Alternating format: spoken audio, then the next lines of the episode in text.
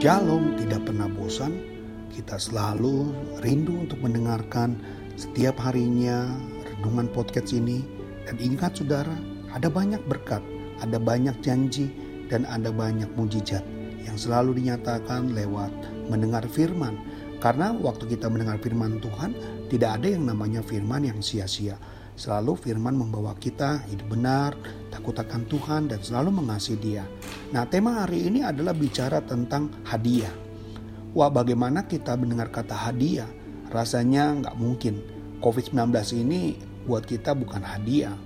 Tapi kita boleh belajar. Sebenarnya hadiah yang boleh kita terima bukan hanya bentuk suatu kepuasan. Ada banyak hadiah-hadiah itu untuk penyelamatan.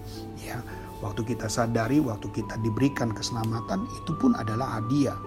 Ya, saudara tidak sadar bahwa hadiah bukan hanya berbentuk uh, sebuah bungkusan kado yang dibungkus dengan kertas kado yang mahal dan sangat menarik warnanya, cerah dan mempesona. Itu selalu yang kita anggap adalah hadiah yang dibungkus di dalamnya adalah satu barang-barang yang berharga. Tetapi hadiah yang Tuhan mau kasih buat saudara adalah hadiah yang lebih dari semua harta di dunia ini kalau harta di dunia ini semuanya bisa kita dapatkan asal kita punya keinginan, asal kita punya semangat, asal kita punya kerja, pasti yang di, ada di dalam dunia ini bisa kita miliki.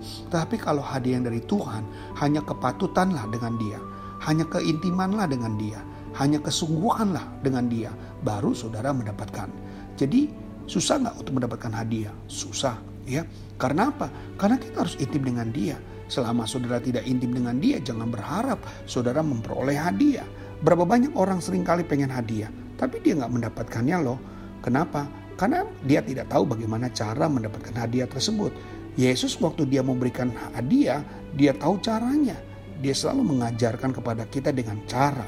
Ya nggak mungkin Tuhan dengan membabi buta memberikan kita cara seperti kita membaca peta buta. Tidak, Tuhan tidak pernah memberikan peta buta. Dia selalu menjadi peta yang nyata, peta yang mudah dilihat, peta yang sangat mudah untuk kita pelajari. Contohnya adalah Alkitab.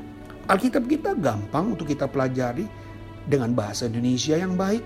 Asal kita mau mengikutinya dan mentaatinya, bahkan menerimanya, membuka hati dan merenungkan siang dan malam, firman itu akan menjadi suluh terang bagi saudara, terang bagi Bapak Ibu semuanya Nah, kita ambil dalam kitab 1 Yohanes 3 ayat 7 sampai 9. Anak-anakku janganlah membiarkan seorang pun menyesatkan kamu.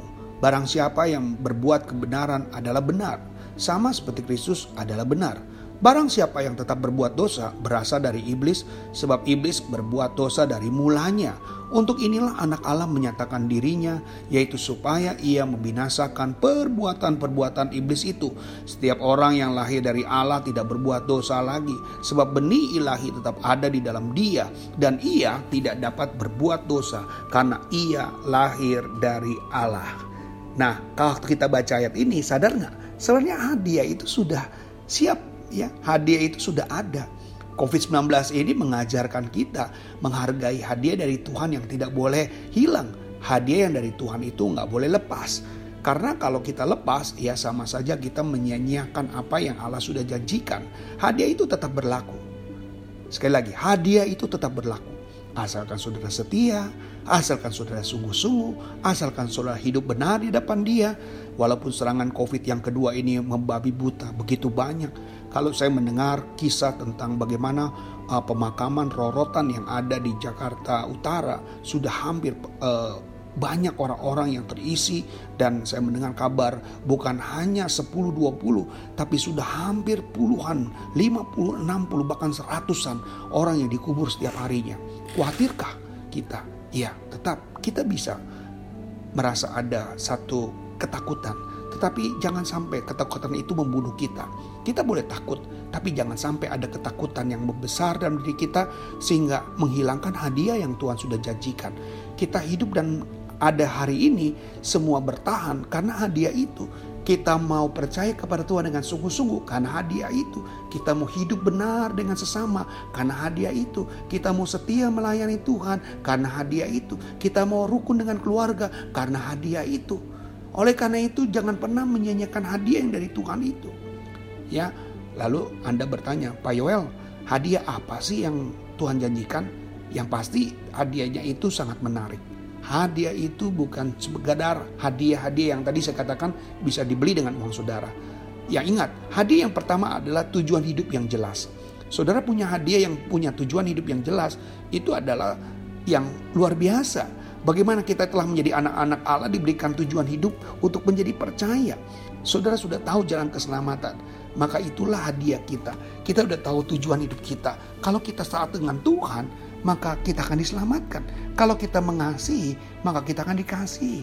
Maka kalau saudara uh, mempunyai musuh, maka di kerajaan Allah juga tidak akan mengampuni saudara. Akhirnya saudara belajar mengampuni. Kenapa? Karena ada tujuan.